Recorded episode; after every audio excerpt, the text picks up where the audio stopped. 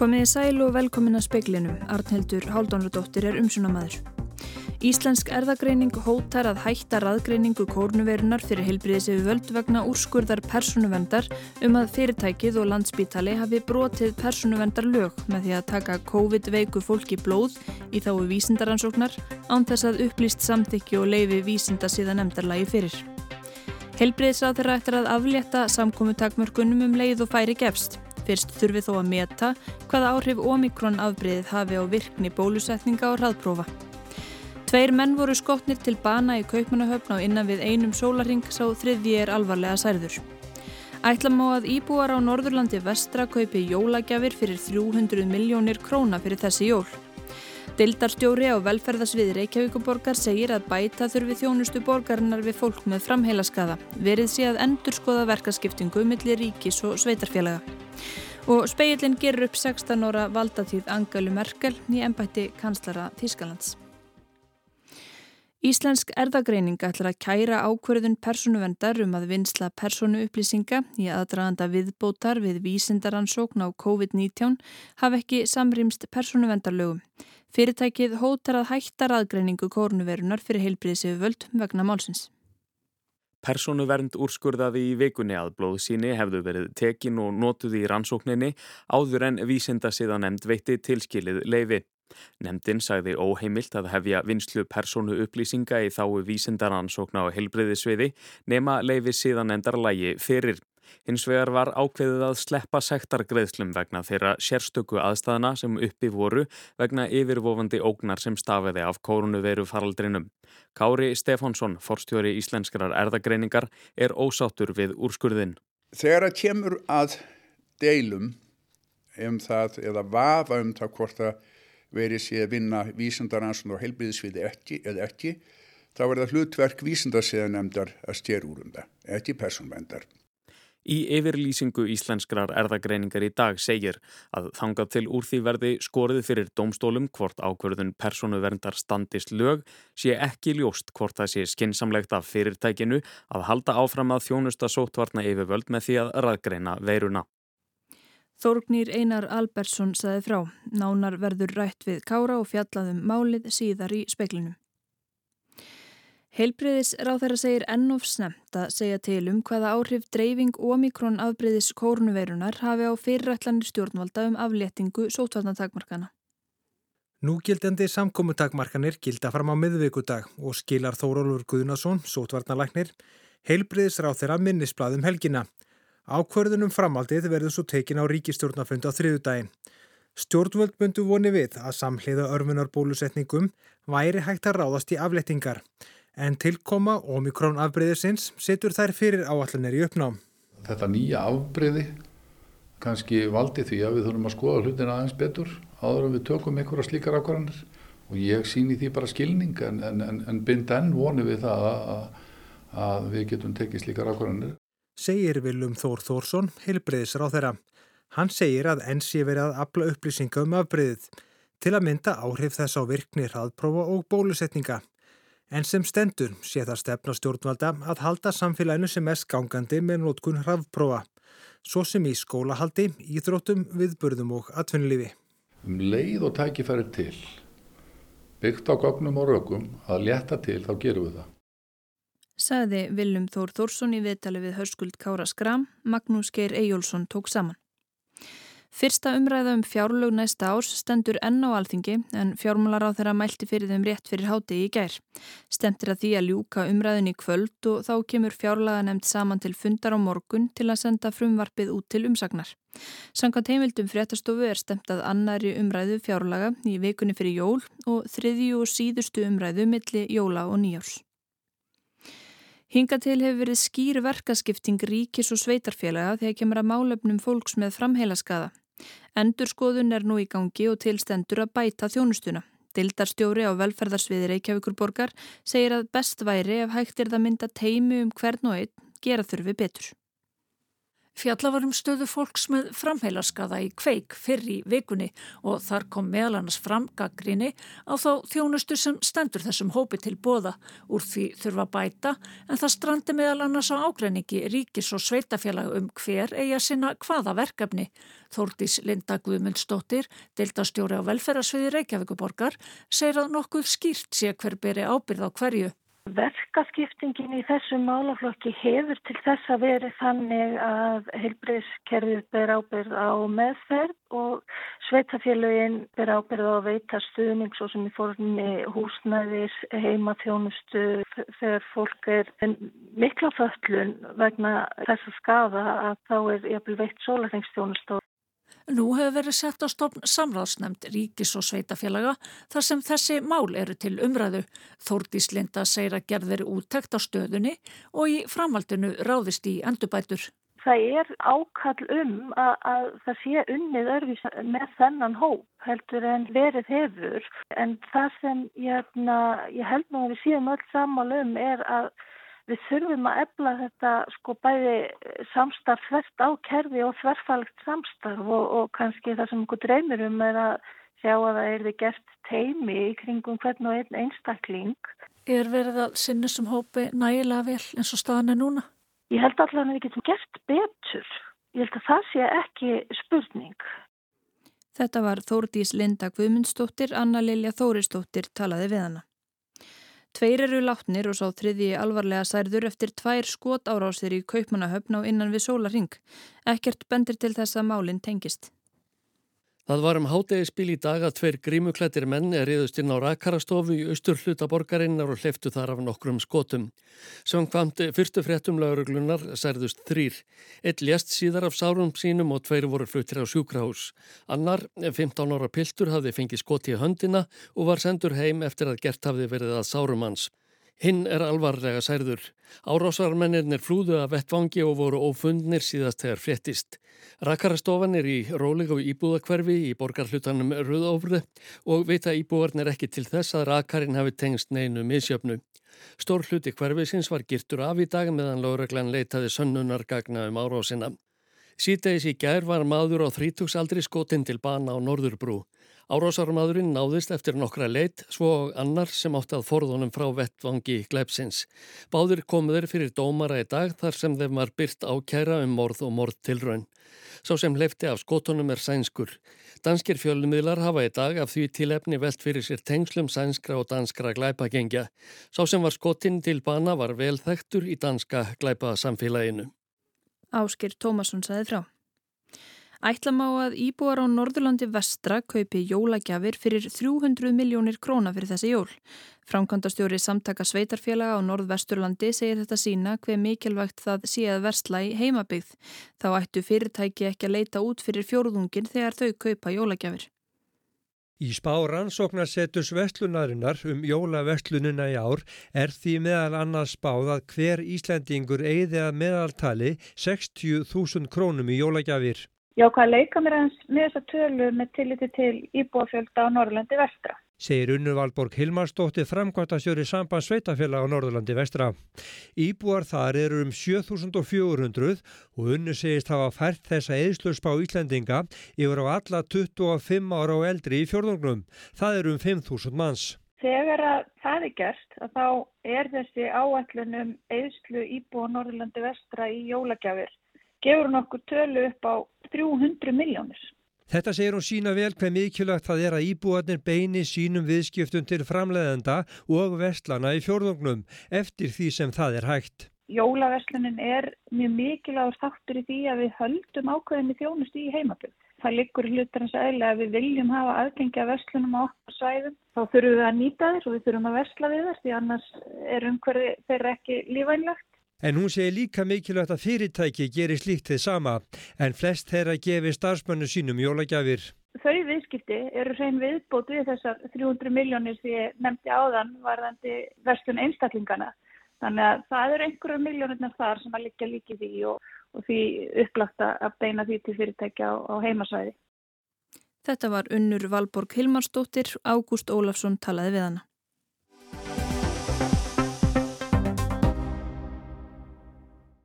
Íslensk erðagreining telur persónuvend hafa farið út fyrir valdsvið sitt og vil fá ákvörðin hennar um að fyrirtækið hafi brotið lög nekt fyrir domstólum. Í nýlegum úrskurði persónuvendar kemur fram að landsbítalinn og Íslensk erðagreining hafi tekið COVID-veiku fólki blóð í þáu vísindaransóknar án þess að abla upplýst samþykkis og án þess að leifi vísindarsíðanemdar lægi fyrir. Personuvend lit vera að sekta vegna þess álags sem heilbriðis yfirvöld voru undir í fyrstu bylgu faraldursins. Þá segir forstjóri stofnunarinnar að þrátt fyrir að þarna hafi verið pottur brotin hafi landsbítalunum og íslenskri erðagreiningu í megin atriðum tekist að fara að personuvendar lögum í fárunu. Geta heilbriðiskerfisins til að takast á við COVID-faraldurinn verðist nú hangað einhverju leiti á því hvernig dómsmálið fer því yfirlýsingu sem Íslensk erðagreining sendi frá sér síðdegis kemur fram að þanga til úrskurðunum verðinnægt telji fyrirtækið ekki endilega skinsamlegt að halda áfram að raðgreina veiruna fyrir sótvatna yfirvöld. Helga Þórisdóttir forstjóri personuverndar segir blóðsínamálið stórt siðferðismál og mikilvægt að læknar séu meðvitaður um aðstöðumun gagvart viðkvæmum sjúklingum. Þú þart í rauninni að vita þegar þú ert aktífur þáttakandi í vísindaransókn. Og þannig var það ekki þessu tilfell? Þannig var það ekki. Það var farið á stað og tekið blóð úr uh, bæði innleikjandi sjúklingum og að þeir virðist öðrum sem komu vegna COVID uh, til spítalans.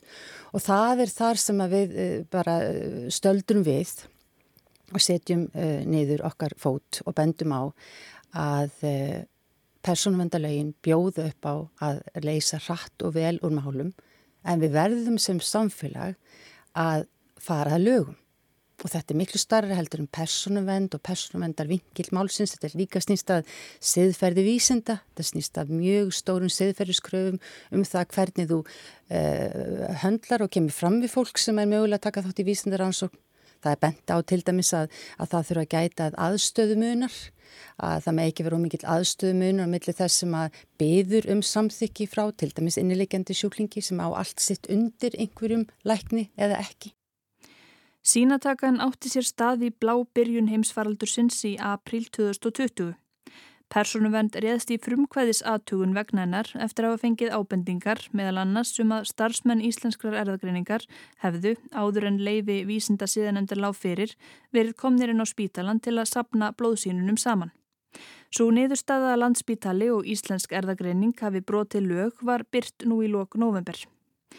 Í ákverðum persónumvendar er atbyrðar á sinn reyfuð í laungumáli en í megin atriðum snýst þetta um það að vorið 2020 áttu Íslensk erðagreining og landsbítali í samstarfi vegna rannsóknar á faraldsfræði veirunar og áhrifum erða og undirlikjandi sjúkdóma á hversu illa fólk veiktist. Í byrjun april stóð til að bæta við rannsóknina en til þess þarf sérstakt leifi vísindasíðanemdar. Dagana 3. til 7. apríl ákvað Már Kristjánsson yfirleiknir smittsjúkdómadeildar landsbytala og ábyrðaleiknir rannsóknarinnar að hefja sínatökuna að fenginni blessun framkvæmtastjóra lækninga. Þegar vísinda séðanemnd veitti leifi fyrir rannsóknar viðbótinni 7. apríl höfðu sínin sem sé þegar verið tekinn. Upplýst samþykkis var ekki ablað fyrir en eftir á þegar yfirleiknir gerði sjúklingum grein fyrir því í hvaða tilgangi stóð til að nýta blóðið og útskýrði fyrir þeim að sínunum yrði eitt í snarhasti óskaði einhver þess. Sjúklingarnir gafu allir góðfúslegt leifi fyrir nótkunninni. Personuvend gekk erfiðlega að fá reynd hver aðdraðandi þess að ákveðið var að taka sínin var nákvæmlega. Í ákvöruninni segir að skýringar landspítala og íslenskrar erðagreiningar hafi stangast á. Fyrst kannadist forstjóri spítalans ekki við að gefin hefði verið fyrirmælum blóttöku. Personumvend saði ljóstað yfir sín hefði skort á landspítalanum. Það hljómar ekki endilega vel að, að, að enga fyrirtæki viti meir hvað gerist á landspítalanum heldur en landspítalin sjálfur. Að samanskapi að þá, eh, eins og við tökum fram í þessari niðurstöðu, að þá er personumvend mjög meðvutið um álægið sem hefur verið á íslensku helbriðskerfi og í rauninni e, þessi yfirvofandi hætta sem við reyndar stundum frammefyrir ennþann dag í dag, rúmu ári eftir að þessir atbyrðir áttu sér stað. Um, en, en aftur, við erum hér að koma með leiðbynningu um að, að huga því hvernig svona hlutir eru framkvæmdir innan spítalans um, af því að uh, það virðist sem virðing fyrir þessum lögum sé meiri e, utan Íslands heldur en hér. Það er ástæði fyrir því að það eru settlög á þessu sviði og það væri heillavænlegast að eftir lögum á þessu sviði væri líka farið á Íslandi. Sínin áttu upphálega þjóna klíniskum tilgangi vera í þáu meðferðar sjúklingana en í ákverðun persónuvendar segir að þau hafi á endanum engöngu verið nýtt í þáu vísindaransóknar. Íslensk erðagreining segir í svarbrefi sínu að mörg klíniskrar vinnu og vísindaransókna séu alltaf nokkuð óljós þegar verið sé að kljást við nýjan óþektan sjúkdóm. Þá hafi aðkoma fyrirtækisins að sínatöku, greiningum og annari aðstóð við landsbítala fyrst og fremst verið í klíniskum tilgangi til að aðstóða við sótvarnaðagerðir. Að þær gætu einni gagnast í mögulegum vísindaransóknum hafi verið reynd aukaðatriði. Þó að það skapist neyðar ástand eiga lög að gilda og á þetta leggur persónuvend áherslu. Á sama tíma gefur persónuvend íslenskri erðagreiningu og landsbytalunum ákveðin slaka vegna heimsfaraldursins. Ákveður að sekta ekki vegna faraldursóknarinnar og álagsins sem helbriðis yfirvöld voru undir. Helga segir ekki tvískinnungi þessu, stopnunum hafi talið ákverðunar orðin duga í þetta skiptið. Þá vonast hún til þess að ekki reyni á sektarheimildir að svona mál kom ekki upp á ný því að nú viti fólk hvernig landið liggi. Hvort Helgu verður að ósksinni er óljóst því að það ríkir enginn sátt um ákverðununa. Landspítalinn vill ekki bregðast við ákvörðunina svo stöttu en Már Kristjánsson, yfirleiknir smittsjúkdómadeildar, segir í samtali við speilin að óvisa ríkjum það hvort um klíniska rannsókn eða vísindaransókn hafi verið að ræða dagana sem blóðsýnin voru tekin. Afstæða Más er svo að það sé ekki persónuvendara ákveða það heldur frekar vísindasiðanemdar. Kári Stefánsson, forstjóri íslenskrar erðagreiningar, er á sama máli og ætlar ekki að una ákverðun persónuvendar. Ef við tökum skefa aftur og bak og veltum fyrir okkur ákverju úrskurður personuvendar byggir, þá er það að mestuleiti á því að, að við höfum verið að stunda vísendaransókn í upphafi faraldursins þegar meðan við vorum að þjónusta heilbiðstjærfið. Og þar glemist þeim að, að það er engin munur á, eh, á klíniski þjónustu og eh, vísendaransóknum á heilbiðsviði þegar um er ræða nýjan sjúdóm sem við vitum ekkert um. Og þessi sjúdóm er leið sannarlega út eins og fyrsti kaplinn í sögunum útrýmingum mannkins þegar hann reið sér yfir í byrjun mars. Við vorum í, að mati í sótarnarlæknist Hóróls, þá vorum við allan tíman að sinna helbiðisjónustu og e, það samam á við um samstagsaðila okkar upp á landsbytalan. Þegar það kemur að deilum um það eða vafa um það hvort það verið sé að vinna vísindaransson og helbriðisviði ekki eða ekki, þá er það hlutverk vísindarsiðanemdar að stjér úr um það, ekki personvendar. Og það er bísna förðulegt að þurfum að horfa til þess núna að þegar við rökum til í byrjun massmánadar hættum allri starfsemi hér innan hús, lögðum allt í sjölunar, unnum átján klukkutíma á dag, sjötöga vikunar, í starfsmenn fyrirtækisins að leggja sér í töluverða hættu við að taka síni úr sjúklingum og svo framvegis og framvegis, þá er niðurstaðan svo að við höfum verið að fremja glæp. Þannig að niðurstaða persónum endur er svo að við höfum bróð til lög og það með brítur lög þá maður að fremja glæp. Í, við komum til með að bregðast við þessu með því að, að fara í mál við persónum end til þess að fá þessum úrskurði þeirra nekt. Í ljósi fréttatilkynningarinnar sem Íslensk erðagreining sendi frá sér síðdegis er nú óljóst hvort Íslensk erðagreining heldur áfram að annast raðgreiningar fyrir sótvarnægjöföld. Í tilkynningunni segir að hafi fyrirtækið áður framið glæp sé fullt eins líklegt að það sé að fremja glæp núna því með raðgreiningunni sé verið að abla gagna sem svo séu sett í samhengi til þess að sækja nýja þekkingu og aðstóða þannig sótana yfirvöld í baráttunni við veiruna. Þórólfur Guðnarsson sótanalegnir segir að vorið 2020 hafi ríkt eins konar stríðis ástand og menn leitað allra leiða til að afla upplýsingum faraldurinn. Og það kemur ekkert á óvart þó að, þó að kannski hafi ekki alveg verið farið eftir það reglu sem, var, sem var, eh, voru settar en, en ég held að það hafi Eh, verið bara mjög eðlert og skiljanlegt í ljósi til aðstæðan sem þá voru og, og, og hérna mikilvægt að, að, að það komi fram. Að það hafi leið svona mikið á að, að taka blóðsynni úr innilikjandi COVID-sjúklingum að það hefði ekki verið hægt að býða í þrjá-fjóru daga eftir niðurstöðu vísindasæðanemdar? Já, það, það, það getur alveg leigið fyrir og það voru margar ástæði sem við vorum líka með í vinslu eins og að draga uh, blóði í mótafnamælingar sem að lág mikið á uh, það voru líka þessi uh, hérna, allar þessar greiningar á sínum uh, sem að lág mikið á þannig að menn voru bara að taka ákvarðanir og, og, og hérna um uh, frá tíma til tíma sem að, sem að, uh, sem að gáttu skipt máli nákvæmlega hvort það skiptir máli að býða einhverja dag eða ekki, það gæti alveg verið svo en ég get ekki svo sem fullurt um það akkurat í þessu tilliti. Ertu þá að segja að vegna þessa neyðar ástands hafi starfsemi landsbytalans og íslenskrar erðagreiningar í raun átt að vera hafin yfir lög? Ekki endilega hafin yfir lög en ég held að, að það er margt sem að var gert þarna sem að, sem að þurft að gerast mjög hratt ef að menn ætluði virkilega að ná árangri í baráttunum við, við faraldurinn. Og er það þessi niðurstað persónuvendar ósengjötna þínu mati? Nei, ég, ég, ég er ekkert endilega að fella mikið dóma á það en ég held að þurfa að skoða, skoða sko, málavexti í ljósi þeirra aðstæðana sem að, sem að, sem að voru en, en persónuvend verður náttúrulega að svara bara fyrir sig. Helga Þóristóttir fórstjóri persónuvendar telur þetta ekki snúast um að meta hvort þetta hafi verið vísindaransókn eða ekki. Heldur snúi þetta því hvernig persónu upplýsingarnar hafi verið unnar í málinu og hvort farið hafi verið að reglum um upplýst samþykki áður en lagt hafi verið af staði vísindaransókn. Það sé persónuvendar að meta samkvæmt gildandi lögum. Heimsfaraldurinn setti sterkan svip á starfsemi persónuvendar árin 2020 og 2021 en máltengt faraldrinum voru tæplega 200 talsins. Persónuvend reðst ekki einungis í frumkvæðis aðtugun vegna blóðsínatökunar heldur skoðaði hún einni hvort farið hefði verið að persónuvendalögum þegar Íslensk erðagreining aðstóðaði síkla og veirufræði til landsbítalans við skimun og greiningu sína. Persónuvend telur að þar hafi megin atriðum verið farið að lögum þó einhverjir nökrar hafi fundist. Það var mjög í rauninni jákvægt að sjá í þessu uppgjöri, allavega hvað varðar vinslu persónuupplýsinga, að mjög margt var í lægi. Þannig að, að þessar ákvarðanir er í rauninni hugsað sem ákveðin leiðbenning til allra hlutiðandi aðila um að, að lagfara það sem að, að út af eh, var brúði með.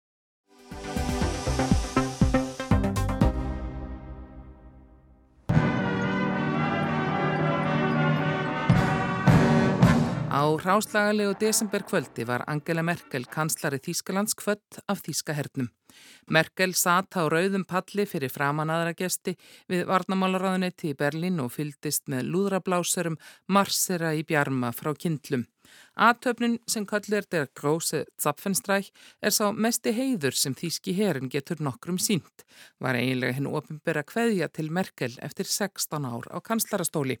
Hún er reyndar ekki alveg stín upp úr honum en því jafnamaðurinn Ólaf Schultz, arftakjennar, tekur ekki við ofinberlega fyrir eftir nokkra daga.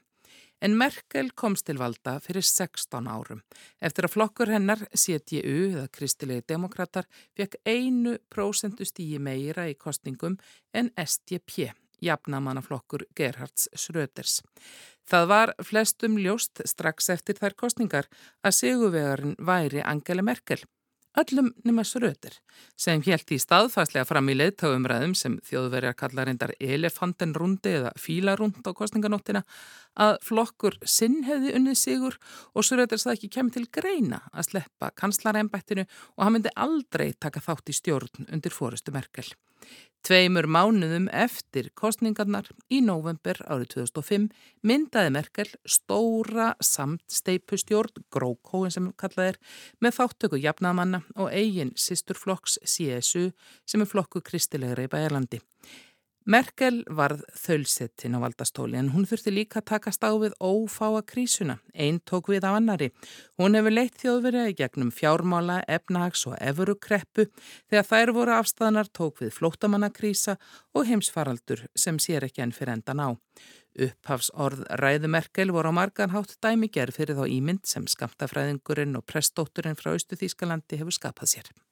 Wenn ich heute hier vor Ihnen stehe dann empfinde ich vor allem dieses Dankbarkeit und Demut. Hún stæði þarna full þakklættis og auðmygtar, auðmjúk anspænis embætti sem hún hefði gengt svo lengi og þakklátt fyrir trösti til þess. Hún þakkaði líka þeim sem stæði vaktina í baráttunni við veiruna.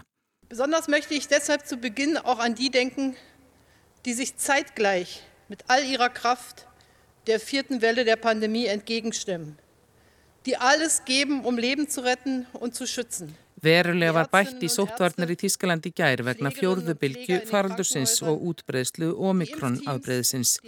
Merkel ég að það hansi gert í nafni samstöðu þjóðarna gegn vanni, herða og sókn í bólusetningum, einungi steir sem hafa verið bólusettir eða var nýlega jafnað sig á COVID-19, mega fara á veitingastæði, kvikmyndahús og í margar verslanir. Óbólusettir mega bara hitta tvo utan eigin heimlisfolks og flugeldar verða bannaður um áramótin. Merkel hefur líka sagt að til greina koma að setja á bólusetningaskildu en það verði ekki gert án samþykis þingsins. Þetta er andrumslofti þegar Merkel kveður. Hún er á stundum sögð hafa leitt þjóð sína úr þrengingum sem við blöstu þegar hún tók við og Þískaland var kallað sjúklingur eða vesalingur alvurnar yfir í það að vera óskoraður leittáinar. Ímislegt hefur yfir hana dunið.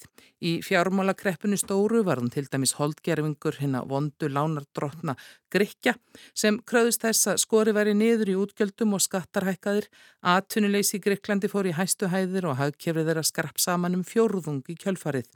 Árið 2012 veifuðu mótmælendur í aðhennu spjöldum þar sem Merkel var með Hitlerskegg og í heimsóknum hennar nokkrum árum síðar bönnuðu grísk yfirveld mótmæli án þess að tækist að koma í vekk fyrir þau. Og Merkel hefur vitna til þessara samninga við grísk yfirveld sem þess erfiðasta sem hún hafi þurft að takast á við í ennbættistíð sinni. Haustið 2015 ákvað Merkel nánast upp á sitt einstæmi að opna landamæri Þískalands fyrir flóttafólki sem streymdi frá Sýrlandi í 2000. tali og var fast við Írland Kost í búðum í Ungverilandi. Þetta aflæðinar mikillar virðingar, ekki síst á alþjóðavettvangi. Tímaritið tæm valdana mannesku ársins vegna mennskuennar, gæsku og umburðalindis en aðgerðnar voru umdeldar heima fyrir.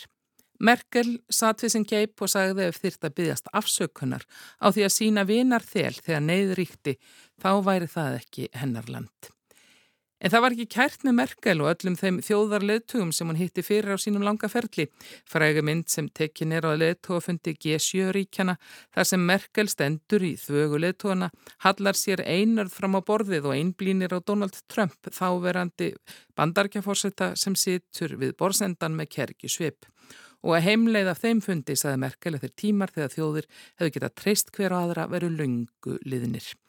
Í uppröfjun Frankfurter Allgemeine Zeitungum minnisverð augnablikur ennbættistíð Merkel er líka rifjað upp þegar Vladimir Putin tók á mótenni í sömurhöltsinni í Sochi í Rúslandi. Vitandi fullvel að kanslarinn er hrætt við hunda tók hann stóran svartan hundsinni með í myndatöku til að slá hana út á læginu. Það tókst ekki þó að greina megi nokkuð nugg í svipennar á myndinni. En Merkel saði gær að bæði efnagskreppan árið 2008 og flótamannavandin 2015 hefðu sínt greinilega hvað samstarf ríkja þvert á landamæri skiptir miklu. En blasi við stór úrlausnar efni, flótamannavandin er ekki horfin og lofslagsmálinn félagi sér miklar áskorunir og hún brindi áhendur til að setja sig í spór annara, horfa á heiminn með þeirra augum líka þegar sjónarhóttn og hagsmunur sé óþægilegir og framandi. Ich möchte dazu ermutigen, auch zukünftig die Welt immer auch mit den Augen des anderen zu sehen. Anna Kristín Jónsdóttir tók pistilinn saman.